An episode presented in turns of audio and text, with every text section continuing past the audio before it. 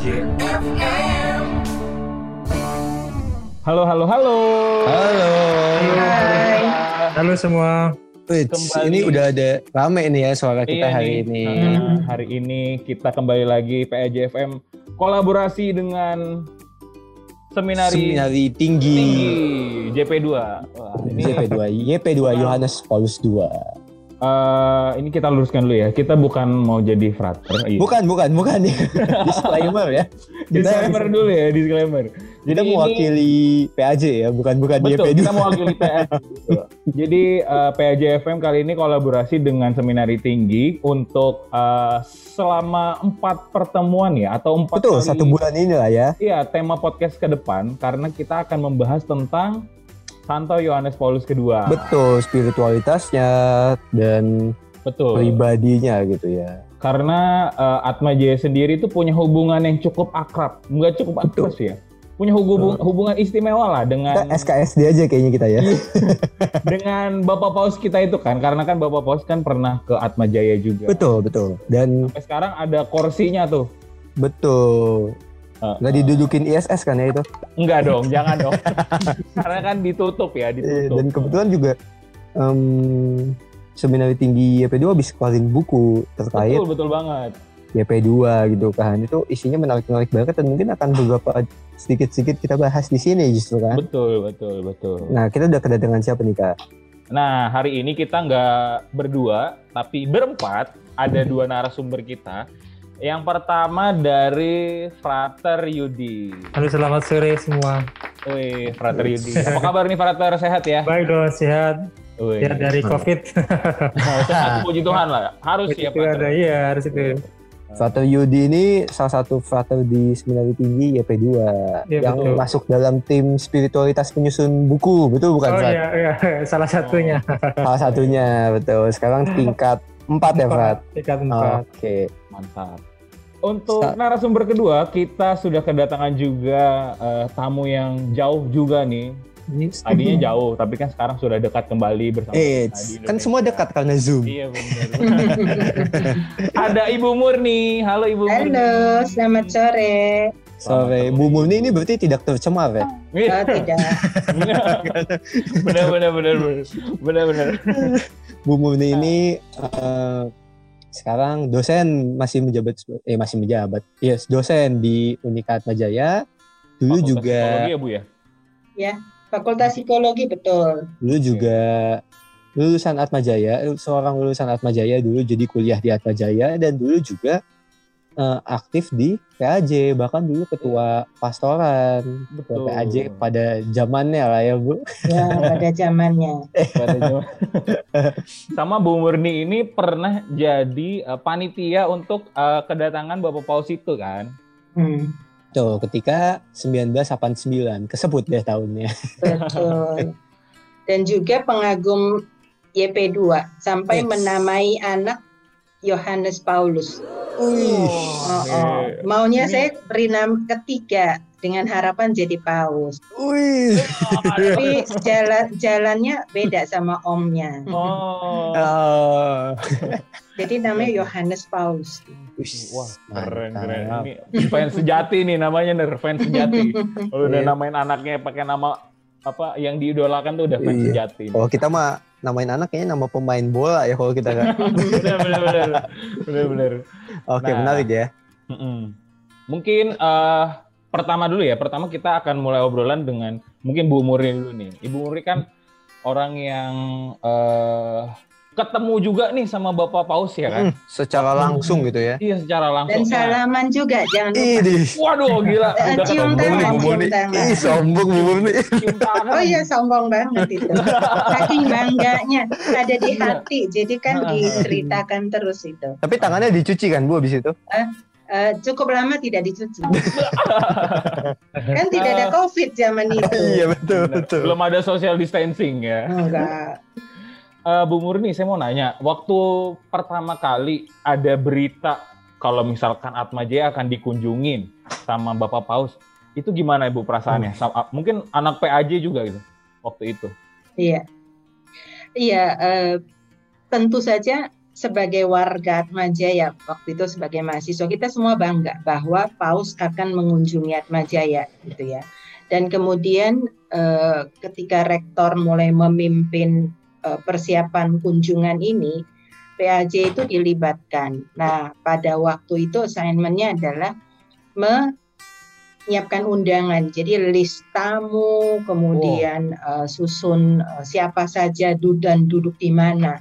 Tentu saja Oh. bekerja dengan rektorat pada waktu itu Pak Francisu Ojen sebagai wakil rektor tiga yang uh, Hmm. memimpin langsung. Tetapi dalam prakteknya dari undangan sampai kemudian uh, jadi berkat buat saya bisa ber- mencium tangan beliau karena bertugas di lapangan. Jadi Wow. menjadi penerima tamu, lalu rekan-rekan lain seperti uh, Pak Kosmas yang waktu itu juga share uh, di peringatan 30 tahun itu, ya beliau sampai berfungsi semacam uh, itu ya bagian protokoler ya. Oke. Jadi kita semua bangga lah bahwa Bangga. peristiwa sangat besar itu dipercayakan kepada mahasiswa pastoral. Wow. Memang- merinding lu kaki ya? Eh, iya bener. Ngebayanginnya gitu ya? Kalau kita waktu itu di situ gimana Ner ya? Iya. Wah. Jadi hati-hati gitu ya kayaknya. Wah, Gila. berarti memang suatu hal istimewa juga ya Bu ya bisa mendapatkan sangat tanggung jawab untuk eh, menjadi petugas ya walaupun protokoler atau semacamnya itu bener-bener wow gitu ya Bu ya. sangat Hmm. itu yang kira-kira mirip seperti kalian semua lah ya yang sering kali bertugas eh, di Trihari Suci Natal Iya, tapi ini iya. skalanya eh, menjadi lebih eh, besar bukan hanya Betul. nasional saya kira ya seluruh Iya, mata eh, internasional itu kan juga tertuju ke Atmajaya ketika penyelenggaraan acara tersebut. Oke. Mm-mm.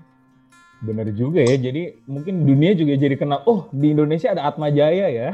Itu Betul. Sa- sayang waktu itu sosmed tidak se Oh ini ya. iya. Ya, belum ada Belum ada sosmed kalau Instagram ya. ada wow kalau ada viral banget pasti ya maksudnya. Wih. Parah, viral parah. Bisa masuk TikTok juga kali ya. Eh, berarti waktu itu eh, yang ketika udah dapat eh, apa eh, tanggung jawab itu langsung dikerjakan gitu, itu melibatkan berapa orang Iya, pengurus? prosesnya, prosesnya mungkin bisa Ya, prosesnya diceritakan. juga gimana tuh bu ceritanya bu?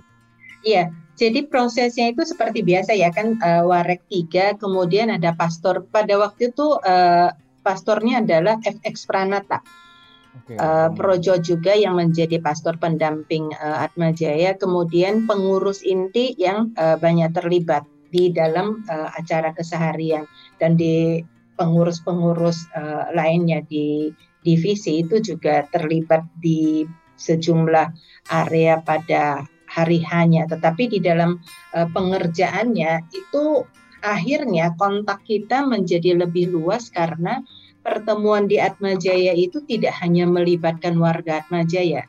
Jadi pertemuan intelektual boleh dikatakan pertemuan intelektualitasnya dari pemuda Katolik. Jadi PMKRI juga eh, hadir sebagai panitia bersama-sama dengan Atmajaya, lalu wakil-wakil dari eh, kelompok lainnya. Jadi yang di luar dari eh, misa di apa balai sidang waktu itu ya namanya ya, eh, itu pertemuan yang dialog sifatnya akademik, bertemu orang muda, itu pusatnya ada di Atmajaya. Karena itu koordinasinya agak eh, kompleks juga. Satu kompleks karena meli- melibatkan banyak kelompok, tapi kedua tadi yang seperti kalian alami, wah gitu seru ya. Semua or- orang ingin mendaftarkan diri datang. Jadi Hmm. masing-masing dari orang Wow. di belakangnya itu penuh penuh dengan orang berdiri belakang yang cowel-cowel, eh boleh dong gue ikutan, tapi duduknya agak di bagian anu ya. Nah, maka di bagian di hall kalau kita nonton kembali filmnya, itu kan ke- ke- peristiwanya terjadi di hall B, hall C, dan lorong-lorong lainnya. Dan Hmm, pada waktu itu Atmajaya kan belum se apa ya, setertutup. Tahun 89 kampus kita masih sangat terbuka dan hijau. Oh.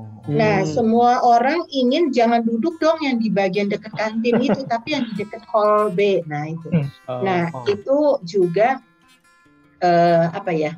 sangat dinamis membuat kita ya kadang-kadang dengan pihak eksternal juga agak apa kurang apa kurang selaras lah ya karena masing-masing ingin kami dong yang lebih ditampilkan di depan. Nah pada uh, fakta bahwa uh, panitia yang berasal dari pastoran kemudian diposisikan di tempat yang cukup sentral itu juga luar biasa menurut saya.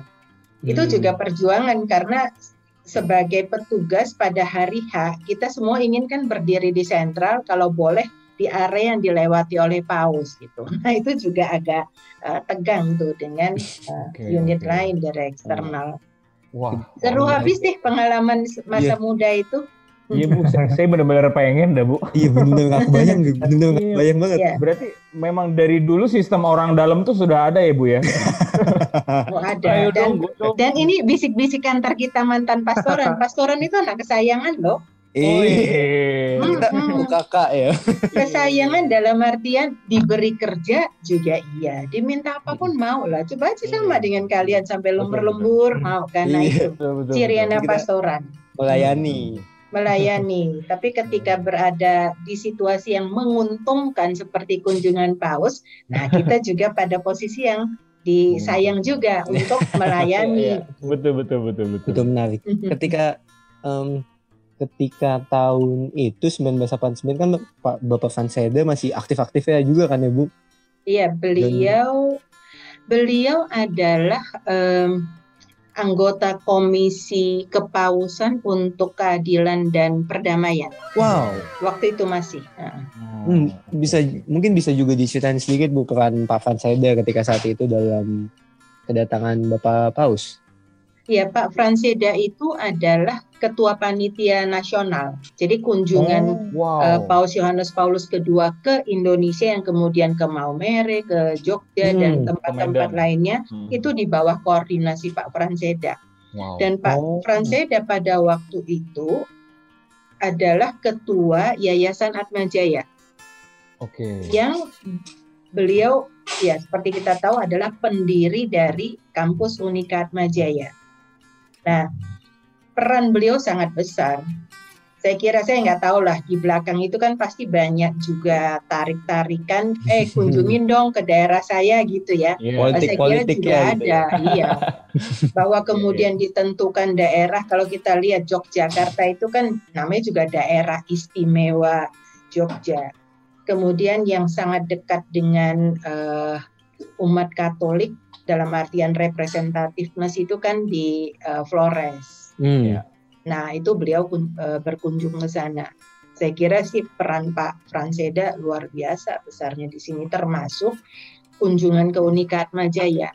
Tapi saya kira di luar dari peran Pak Franseda yang pendiri dan pada waktu itu ketua, Atmajaya itu kan juga cukup sentral. Kalau di sentral dalam artian lokasinya Lokasi. karena di daerah yang sangat strategis. Kalau kita membuat sebuah pertemuan di lokasi yang agak sulit diakses orang, ini is- isunya kan pal pampre- eh, pas pampres juga. Hmm. Oh, iya, betul. seorang figur eh, dunia Pemimpin. gitu ya. Jadi Hmm. isu mengenai keamanan, keselamatan itu harus mudah diupayakan. Nah, jadi eh, lokasinya sangat sentral di eh, jalan apa Sudirman. namanya eh, Sudirman Pusat dan gitu ya. eh, sangat pusat, tapi juga Atmajaya itu punya makna yang eh, sangat besar, Universitas Katolik, tapi didirikan oleh awam. Jadi Universitas Katolik pertama di dunia, bukan di Indonesia loh, pertama di Wow. dunia yang didirikan oleh awam. Nah tentu hal ini kan menarik eh, perhatian Paus. Kalau kita bicara Hmm. kerasulan awam, ini konkret. Nah tentu Paus juga ingin mengunjungi eh, tempat semacam ini di mana du- pendidikan itu dikelola di eh, apa ya ditangani oleh eh, awam. Kalau kita lihat universitas terkemuka di dunia itu yang Katolik kan selalu basisnya adalah eh, Ordo. Ordo. ordo, ya kongregasi. Nah Iya, ini awam. Iya, Gitu. iya, iya. Menarik. Itu yang diapresiasi Paus. Paus kedua ketika saat itu juga ya. Betul.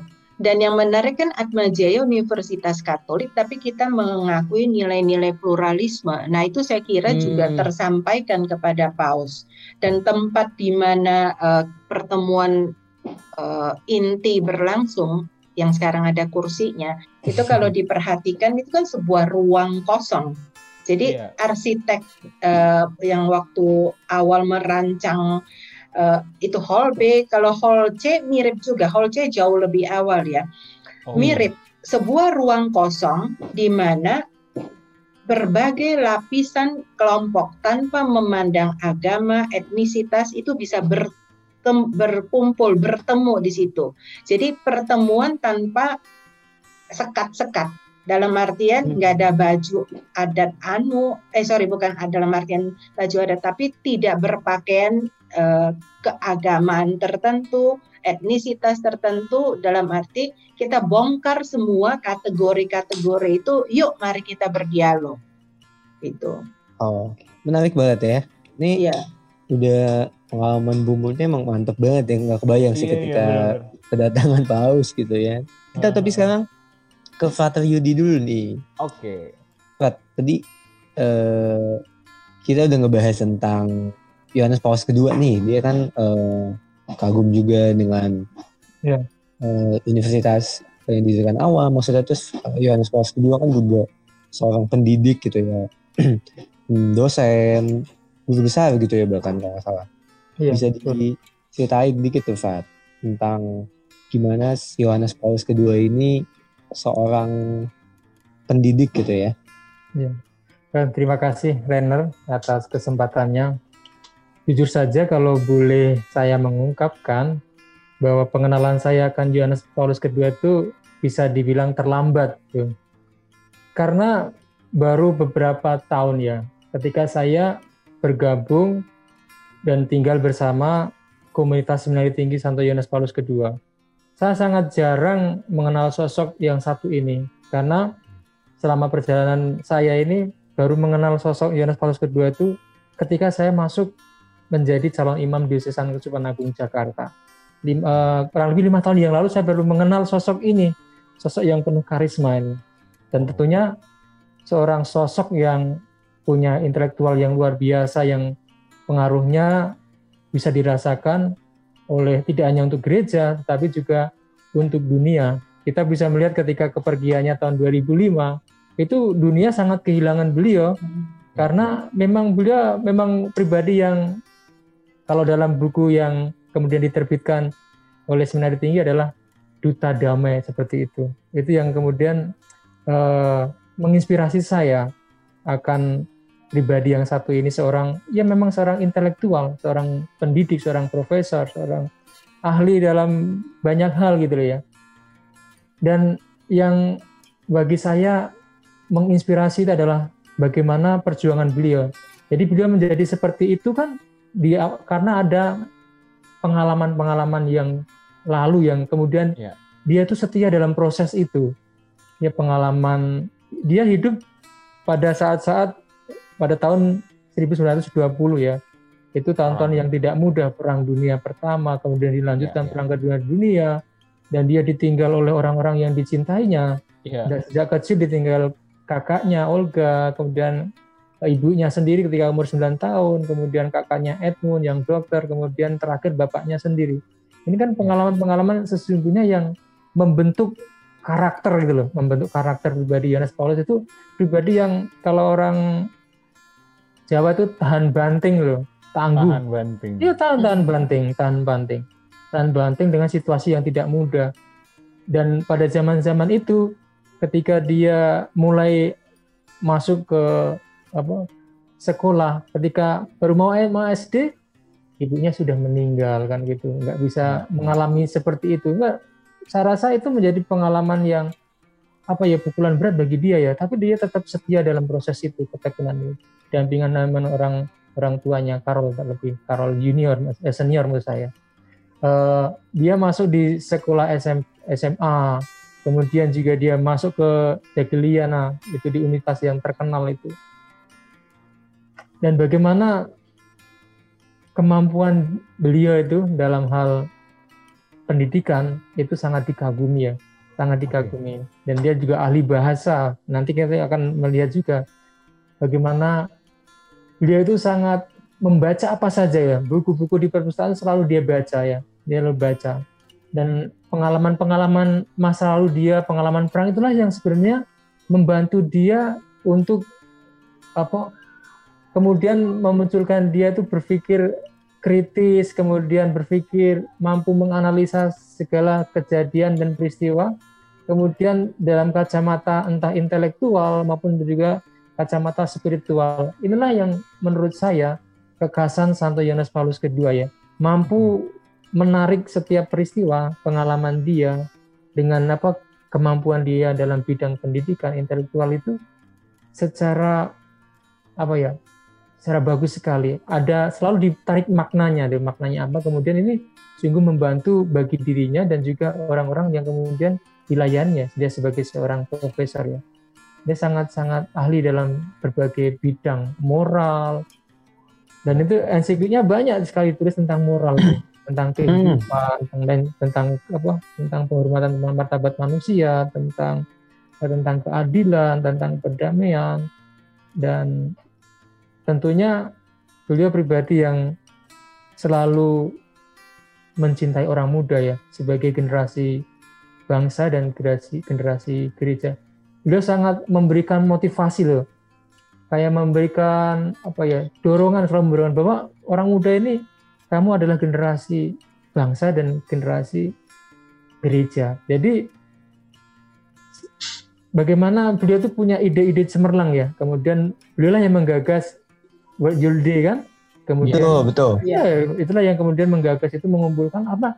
Karena hmm. keprihatinan beliau terhadap situasi dan tentunya keprihatinan terhadap orang-orang muda pada zaman pada zamannya. Kemudian menghendaki atau mengharapkan orang-orang muda, orang-orang yang punya energi tentunya, punya energi, punya semangat yang tinggi gitu, mampu memberikan uh, memberikan kontribusi ya, kontribusi bagi dunia, bagi gereja. Tentunya seruan ini seruan yang mungkin 100 tahun atau 80 tahun yang lalu diserukan oleh Yohanes Paulus II itu selalu bergema. Bergema untuk dunia, untuk orang muda Terlebih khusus saya yakin untuk seluruh mahasiswa-mahasiswi Unika Atmajaya. Karena roh-roh Yohanes Paulus kedua tahun 89 itu sudah menancap di situ gitu. Iya. Iya, okay, ya, okay. spiritnya itu menancap di situ, hidup di situ. Makanya betul, betul. Saya nggak tahu apakah pidatonya tahun 89 yang pasti Bu Murni tahu apa pidato beliau bagaimana beliau sebagai paus sebagai pemimpin kemudian ya. hadir di Indonesia di kampus Universitas Atmajaya di hadapan para pendidik, para intelektual, kemudian para mahasiswa itu saya memberikan bahwa tidak bisa dipisahkan bahwa kekasan kenapa Universitas Katolik itu berbeda dengan universitas-universitas yang lain. Kenapa mahasiswa-mahasiswi yang Katolik yang apa yang mengenyam pendidikan di kampus Katolik itu harus berbeda dengan mahasiswa-mahasiswa yang lain gitu loh. Itu yang kemudian juga menyemangati saya ketika saya dulu kuliah sebelum saya masuk seminari tinggi Yohanes Paulus kedua sebelum kuliah di STF ini kan saya sudah kuliah dulu juga kan. Oke. Okay. Sudah kuliah tahun saya kan lulus tahun 99. Tahun 99 saya lulus kan, lulus SMA kemudian saya lanjut lanjut kuliah. Saya belum pernah belajar waktu kuliah itu memiliki spirit yang seperti ini.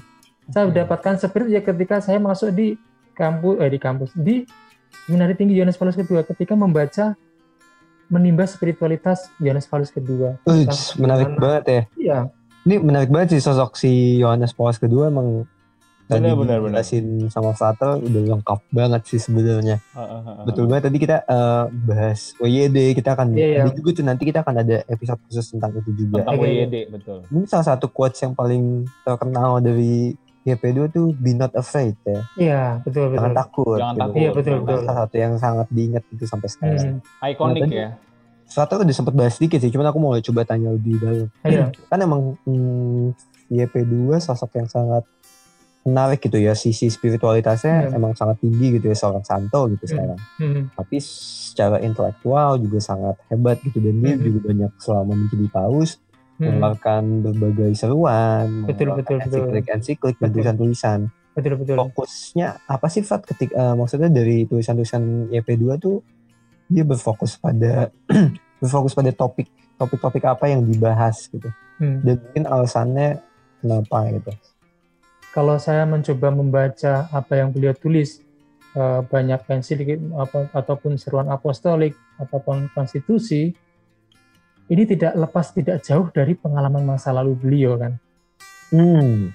tentang apa laborum exercens tentang kerja kemudian tentang Oh. eh, tentang banyak sekali itu apa yang dituliskan tentang Redemptoris Mater, kemudian tentang apa nih eh dokumennya banyak banget. Iya, saya nggak bisa bantu jawab lagi, Fat. Iya, saya nggak iya. tahu. Tapi intinya gini, intinya bahwa beliau itu sangat menjunjung martabat manusia. Mengapa Hmm. demikian? Karena dia itu hidup pada zaman di mana Banyak perang gitu ya. banyak perang, budaya kematian. Padahal zaman di Holocaust ya, Jerman membunuh Oh, iya. begitu banyak orang kan. Dan beliau hidup di zaman itu gitu. Dia menyaksikan sendiri bagaimana nyawa orang itu tidak ada harganya bagi Iya, kita iya, dan iya. apa kroni-kroninya.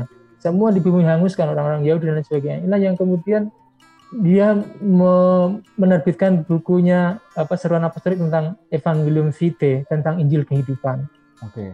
bagaimana penghargaan tentang kehidupan manusia. Selain dia seorang ahli filsafat, dia seorang juga ahli teologi, apa seorang ahli moral juga sangat apa ya keperpihakannya terhadap menjunjung tinggi terhadap apa terhadap martabat manusia. Inilah yang kemudian dia apa dia angkat. Maka seruan-seruan dia selain tentang keperpihakan terhadap martabat manusia itu juga soal perdamaian. Maka kunjungan dia ke Asisi itu kan memperingati Santo Francis Asisi berkunjung kan ke Asisi ya. Ya. Bagaimana Yohanes Paulus II ke sana mengumpulkan begitu banyak pemimpin-pemimpin agama, aliran kepercayaan untuk kayak menyatukan gitu loh.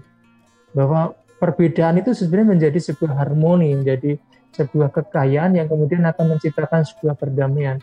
Mengapa mereka terjadi perang? Karena orang tidak mengenal ya, mengenal satu dengan yang lain. Dan Ya. saya rasa semangat Yohanes Paulus II tentang bagaimana menjunjung tinggi martabat manusia ini, kiranya juga kita sebagai generasi bangsa yang nantinya juga akan menjadi generasi gereja juga tentang memiliki spirit yang sama, bagaimana mengedepan- mengedepankan martabat manusia. Manusia itu penting dimanusiakan gitu loh, dimanusiakan Hmm, betul. gitu. Menarik banget. Itu mungkin juga salah satu hal yang membuat Paus Yohanes Paulus kedua tertarik dengan Atma Jaya tadi itu ya, Iya. Yang sama-sama membawa semangat multikultural, membawa Betul, betul. semangat pluralisme gitu ya. Mhm. Keberagaman itu yang membuat juga Paus- yang disuarakan terus gitu ya sama Paus betul, betul. kedua. Mhm. Nah tadi eh, Fata sempat eh, bahas-bahas sedikit bahwa pendidikan Fata gitu. eh, aku tertarik juga gitu. Bu- bukan bukan bukan tertarik jadi Fata. Maksudnya Nggak apa-apa, nggak apa-apa. Ungkapin aja, ungkapin aja. Tercapai cita-citanya nanti. Betul, panggilan iman itu mengagumkan. kakian ya emang kakia kayaknya nggak tertarik dengan ceritanya gitu tadi Ya. Fata boleh cerita dikit deh Fat tadi udah udah sempat kuliah gitu ya malah Iya, udah iya. sempat kuliah udah selesai kuliahnya Iya, gitu ya iya, iya. sebelumnya terus eh, kenapa tahu-tahu tertarik masuk eh, seminari tinggi dan proses masuk seminari tinggi tuh kayak gimana sih pendidikannya? Oke. Saya kan ketika saya lulus tahun 99, SMA kan tahun saya lulus tahun 99. Kemudian karena saya kan berasal dari keluarga miskin ya, dari kampung sana Gunung Kidul. Kemudian, kemudian orang tua yang hanya sebagai petani, nggak mungkin saya kuliah kan. Akhirnya saya membulatkan tekad untuk merantau di Jakarta tahun 99. Dan ternyata modal SMA itu tidak cukup untuk untuk bekerja yang mapan itu yang kemudian apa setidaknya mencukupi kebutuhan saya tinggal di Jakarta. Dan tahun-tahun 99 itu saya tuh bisa nangis di Jakarta. Kenapa ya? Karena susah kerja di Jakarta tahun 99. Saya menjadi kuli bangunan, saya menjadi tukang jualan gorengan, kemudian saya pernah apa, bekerja menjadi tukang cuci pakaian, atau cuci piring, kemudian saya pernah menjadi penjaga malam. Jadi saya bekerja bagaimana saya saat itu bisa hidup gitu. Hidup nggak pernah memikirkan saya mau kuliah enggak bagaimana saya sehari bisa tinggal di Jakarta bisa makan bisa hidup syukur-syukur nyelengin gitu. Tapi memang nggak bisa nyelengin karena waktu itu. Kemudian itu kemudian apa ya me- mendorong saya untuk saya harus nggak harus cukup segini saya harus kuliah gitu. Akhirnya kan saya juga mengumpulkan uang dan lain sebagainya. Dan seperti itu mengumpulkan uang dan sebagainya. Proses panjang kemudian saya masuk kuliah kan gitu. Masuk kuliah. Masuk kuliah. Kemudian ya sampai lulus kemudian saya sebenarnya saya dulu masuk juga di salah satu biara juga dulu kan saya pernah masuk dalam biara. Tapi kemudian saya keluar kan saya keluar kemudian saya bekerja pernah bekerja di Flores juga. Wow. tahun 2005 saya bekerja di Flores. Kemudian tahun 2000 saya lama di Kalimantan di pelosok. Saya sebagai ngajar saya ngajar di sana. Oke. itu tahun 2010 saya di sana 2010 sampai 2015 dan dari situlah yang kemudian apa ya benih-benih panggilan saya itu muncul. Karena saya melihat pastor melihat para guru para pendidik itu bekerja di kampung yang gajinya hanya segitu gitu loh bayangkan waktu itu saya ngajar hanya digaji 300 ribu tiga bulan bayangkan 300 ribu Sebulan 100 ribu berarti. 300 ribu, 300 ribu. Tapi saya nggak pernah mengeluh. Saya hanya bersyukur bahwa saya boleh tinggal di sana gitu loh. Dan di orang-orang sana itu sangat baik sekali orang Kalimantan, sangat baik sekali menerima. Eh Pak Guru silakan Pak Guru dan sebagainya. Itulah yang kemudian saya mengenal sosok Imam Projo Jakarta yang bermisi di sana gitu loh. Oh. Bagaimana Romo itu tinggal di pelosok sebagai pastor paroki dan pastor pastor rekan itu hidup di tengah maya apa di tengah penduduk dan umat yang sangat miskin gitu loh, sangat miskin tertinggal dalam pendidikan, dalam iman, dalam segala hal dan bagaimana beliau-beliau itu dengan penuh totalitas. Kalau dalam bahasa Yohanes Paulus kedua itu ada totus tuus kan. Aku Ya. milikmu semata-mata, menyerahkan semuanya. Satu Yohanes Paulus kedua menyerahkan segala-galanya untuk dalam karya pelayanan. Itulah yang kemudian menyemangati saya. Kemudian saya jatuh hati lah menjadi untuk Oke. menjadi imam gitu. Dan akhirnya tahun 2000 eh, maaf, tahun 2015 saya bergabung di Seminari Tinggi Santo Yohanes Paulus kedua. Dan sampai sekarang saya tetap mencoba menggali ins- inspirasi dan semangat Yohanes Paulus kedua.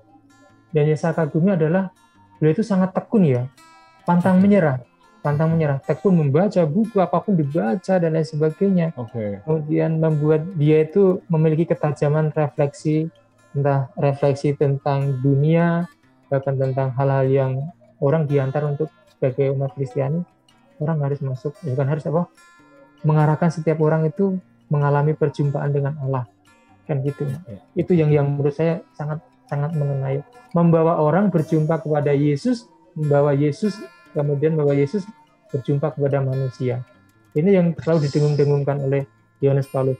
Do, do not be afraid, jangan takut.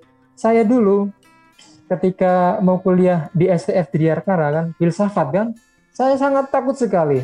Oke. Aduh. Bisa enggak ya? Karena waktu saya kuliah di situ kan umur 35 tahun. Uh, Waktu mau kuliah di STF. Dan itu kan Hmm. mas, menurut saya, bagi saya sendiri loh, pikiran saya sudah apa? Sudah pikirannya kan hanya Udah uang. penuh. udah jenuh, udah penat gitu, udah penat, nggak mau kuliah lagi. Tapi ini Ah. tuntutan kan, tuntutan akhirnya saya mau setia berproses lah. Oh, akhirnya sekarang kok bisa ya bisa sampai juga. tahap, sampai sampai bisa ya. Sekarang kan saya udah 40 tahun ya, 40 Hmm. tahun kok masih bisa masih bisa bertahan ya? Apa sih yang membuat saya bisa bertahan? Hmm. Saya coba merenung-renungkan dan mencoba melihat Yohanes Paulus kedua. Ternyata Yohanes Paulus kedua itulah yang yang juga meng- menginspirasi saya bagaimana di tengah ketakutan, kekhawatiran saya bisa ndak, bisa ndak, terus nanti kalau menjadi imam bagaimana ya seperti apa dan sebagainya itu ternyata totus tuus inilah, totus tuus. Aku milikmu semata-mata, gitu. diserahkan secara total. Ya selebihnya Tuhan yang akan menyempurnakan istilahnya kan gitu. Keren, keren, keren, keren. Gitu. Ini ceritanya mantep banget ya Kak. Iya. Wah keren banget ini. Ini Steve, kayaknya kalau misalkan lagi ada yang sebenarnya dengerin, ya. Kalau ada yang dengerin sih ini sih apa tergugah juga sih pasti. Kaki ya kan maksudnya. Enggak dong. Iya, iya. Iya. Itu udah menarik banget tuh. Mungkin juga salah satu yang tadi kita ngomongin di awal kita semua muda gitu ya. kan. Betul, Frater betul. Yudi, Frater Yudi juga semangatnya masih muda banget kan belajar terus gitu. Frater ini masih 25 lah. Iya, iya. Eh, nah, ini, eh, saya mau nanya lagi nih ke Bung Murni. Ini kita balik lagi ke acara eh, Bapak Paus ketika Hmm. ada di Unika Atma Jaya. Seperti tadi Frater Yudi bilang kan ada pidatonya nih. Nah, Iya. eh, kira-kira Ibu bisa ceritain nggak waktu itu yang disampaikan? Kita ngetes ya. Kayak Iya, kuis ya kita. Eh, cari contekan dulu ah. Ada nggak yang diingat gitu Bu? Iya, yang diingat Bu. Dan itu menjadi inspirasi buat Ibu juga. Gitu. Saya tahu yang diingat, saya tahu. Mhm. Sama Shalom. mungkin mungkin Shalom. apakah apakah eh, pidatonya Bapak Paus waktu itu benar-benar bisa relevan juga untuk kehidupan khususnya kehidupan mahasiswa Unikat Majaya juga pada masa pandemi Hmm. sekarang ini Bu. Oke, saya eh, coba ya dari teksnya itu. Yang pertama kan gini, berbagai kelompok maka cara menyapanya juga pasti berbeda. Tapi yang di sapaan awal Oke. itu kelompok mahasiswa. Wow. Jadi bukan dosennya dulu atau kelompok eh, pemuda Guru besar. Katolik PMKRI, enggak Oke. mahasiswa. Wow. Tadi yang Frater eh, Yudi katakan bahwa Paus Yohanes Paulus II ini eh, orang yang sangat mencintai eh, orang muda dan kemudian nah, Youth Day dan sebagainya eh, itu juga terekspresikan di kampus eh, Atmajaya. Beliau mengatakan kepada para mahasiswa, Anda adalah masa depan. Saya kira bukan ma- masa depan Indonesia sema- semata, tapi juga masa depan eh, gereja. Ya. Nah, pada bagian ini saya melihat eh, pengalaman Frater Yudi mirip-mirip nih sama Yohanes Paulus woi, woi. Jadi eh, masa muda punya kehidupan sangat keras. Beliau pernah menjadi kang apa eh, eh, bekerja di Tambang. namanya? Tambang. tambang, budak Iya, kasar istilahnya gitu ya Iya, di dalam iya, iya, tulisan betul. buku itu. Untuk apa? Survival kan. Iya, bertahan. Tapi survive dari apa? Situasi perang dunia, eh, perang dunia, tapi juga pendudukan oleh eh, Nazi. Kalau pernah lihat Auschwitz, saya belum pernah ke Auschwitz, tapi pernah yang ke Jerman Timur itu eh, kamp konsentrasi amat sangat besar dan waktu saya ke sana saya merinding luar biasa dua minggu Wow. itu perut saya masih mules membayangkan ini oven eh, apa oven krematoriumnya Wow. itu bukan orang meninggal saja loh yang dimasukkan ke sana, Ya. tetapi juga banyak orang-orang yang belum eh, Meninggal. saatnya lah. Wow. Nah, Auschwitz itu jauh lebih besar lagi dan eh, Paus Yohanes Paulus II itu di di masa beliau kuliah di tahun pertama berhenti. Jadi Ya. pengalaman sangat kritikal di masa hidupnya ya dan dengan kelompok mahasiswa itu yang membuat beliau menjadi sangat dekat dengan eh, dunia ini dan ingin betul orang-orang muda itu memanfaatkan eh, masanya ya tentu aja dengan berteater beliau kan juga mendirikan Ya, ini ya, ya teater ya teater Theater. Iya. tetapi juga hidup sebagai masa muda dinikmati tetapi juga menghasilkan sesuatu. Yang kalau kita lihat ketangguhan beliau, tadi Frater eh, Yudi juga cerita, itu tampak betul di buku ini juga dituliskan di 2005.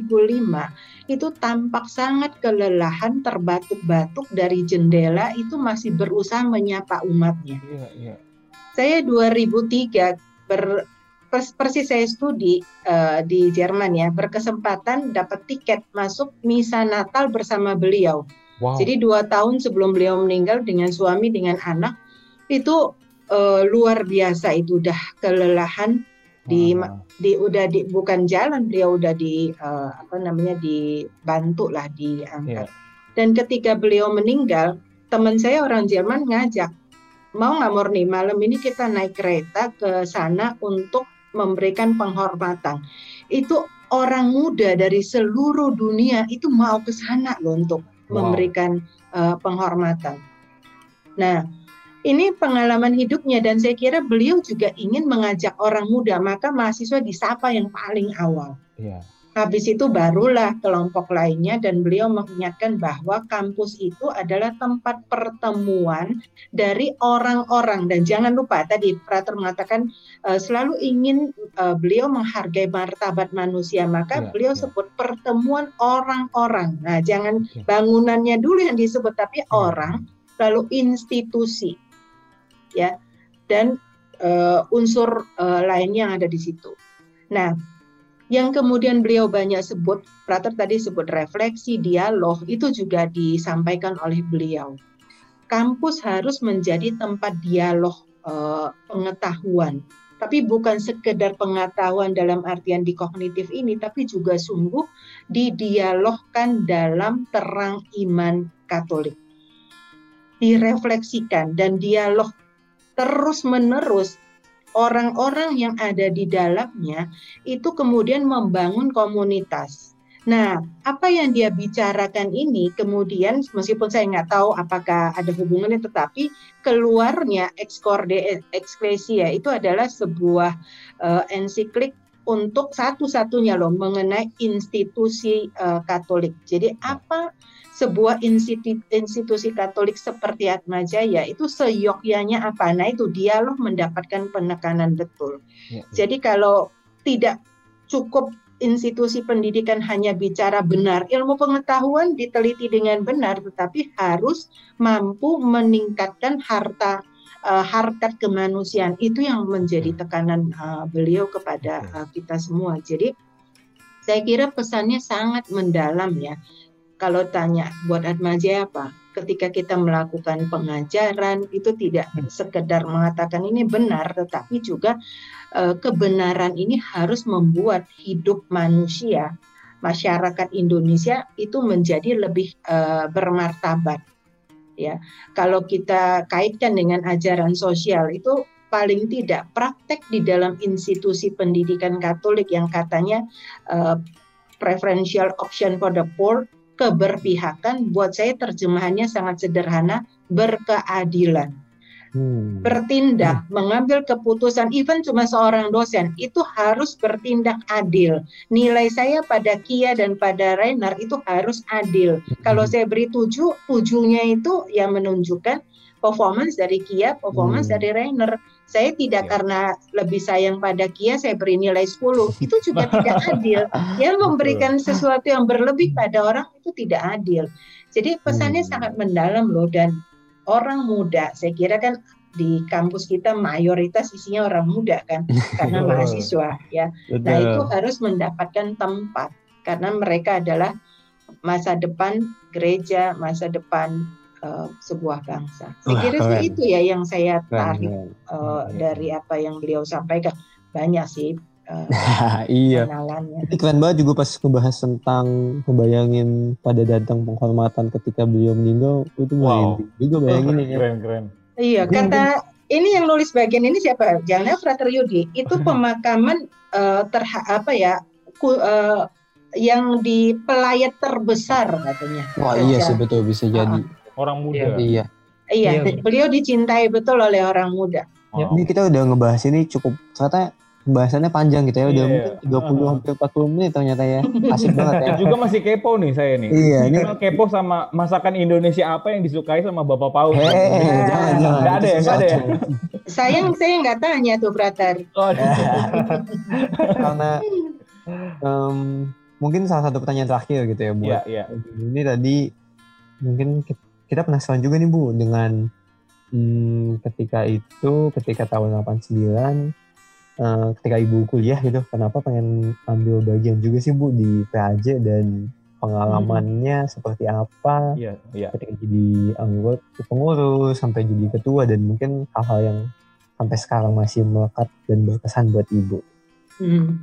Jangan-jangan mirip dengan kamu, Renar. Iya, kan makanya saya mencoba refleksikan gitu ya? ibu nanti. Uh, iya, saya hanya berpikir gini sebagai uh, orang muda, saya juga butuh berkembang secara maksimal dalam artian uh, tidak hanya akademiknya, tapi sisi uh, spiritual juga yang pada waktu uh, ada di pastoran saya sih mendapatkan banyak apa ya eh, kesempatan untuk pengembangan diri itu. Kebetulan di zamannya saya itu ada mantan Yesuit, ada mantan Karmel, Wow. ada mantan eh, terapis, ada mantan projo.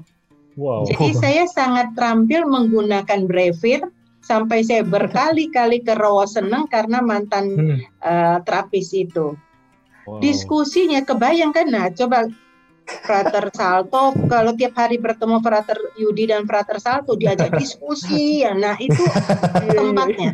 Jadi mantan-mantan ini ada man- eh, sangat hobi memancing eh, apa eh, pertanyaan yang mema- eh, memaksa kita untuk berpikir panjang dan apa ya berpin- dan ada pijakannya.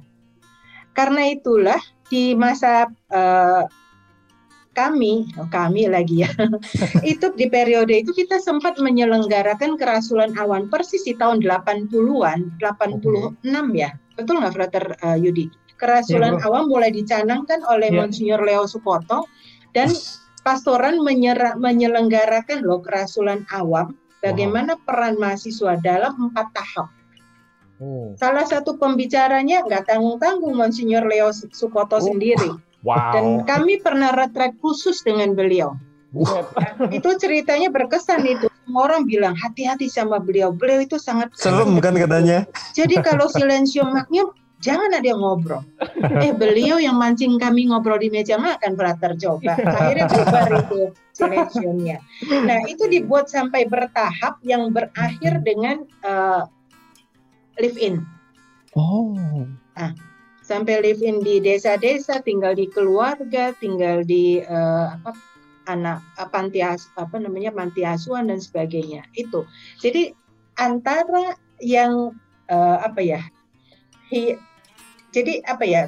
Menurut saya hidup dan berkegiatan di pastoran itu membuat kita men- men- kalau sini kan itu ya mengikuti Yesus dalam artian dia tercerahkan eh, secara ininya ya Pak eh, rohani tapi juga konkret praktek di lapangan hidup dengan eh, orang lain itu eh, seperti apa. Nah itu saya dapatkan betul tuh selama ada di eh, pastoran mahasiswa di samping bertemu dengan mahasiswa dari seluruh eh, apa, Fakultas.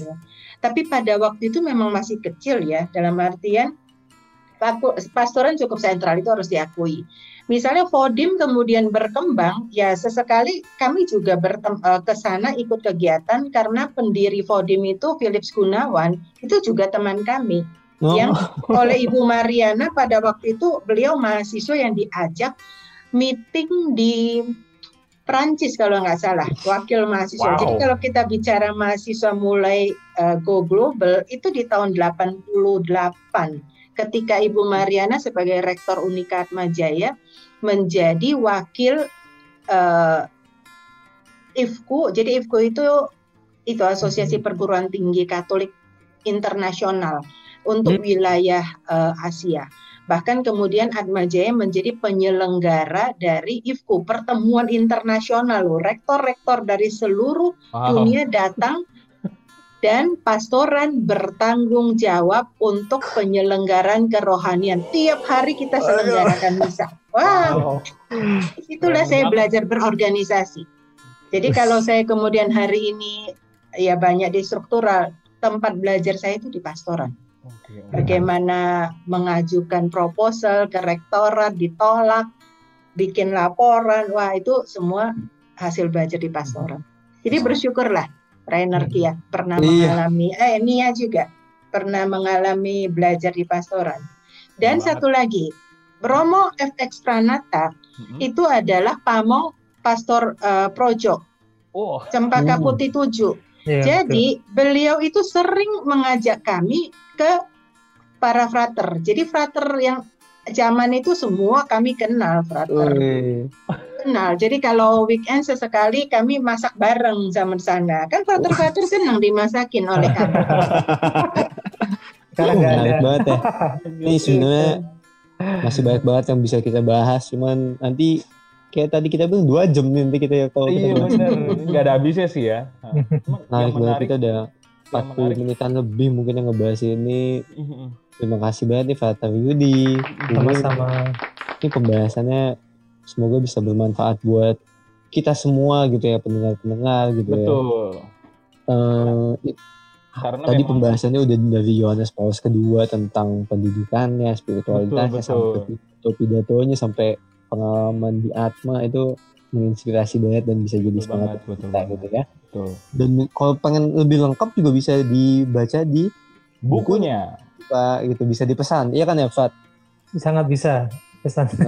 Nah, oke. Nanti bisa hubungin kita lah, kita akan bantu Oh, pesankan betul betul. ke ini ke para father gitu ya. Ah, Betul. Ya, kita terima kasih Bu. Jadi untuk episode kali ini terima kasih Bu Murni, terima kasih Kak Yudi, terima kasih juga semua yang sudah mendengarkan. Mendengarkan. Semoga bisa diambil inspirasinya karena memang gereja memandang anak muda tuh sebagai suatu pribadi yang keren ya. Jadi Betul. benar kita harus bangga menjadi orang muda. Betul. Betul, betul. Kalau gitu, Masa depan gereja Betul. betul. dan bangsa. terima kasih. Terima kasih semuanya dan sampai jumpa di Terima kasih. lanjut Terima kasih. Konten-konten selanjutnya. Terima kasih. Dadah. Terima kasih.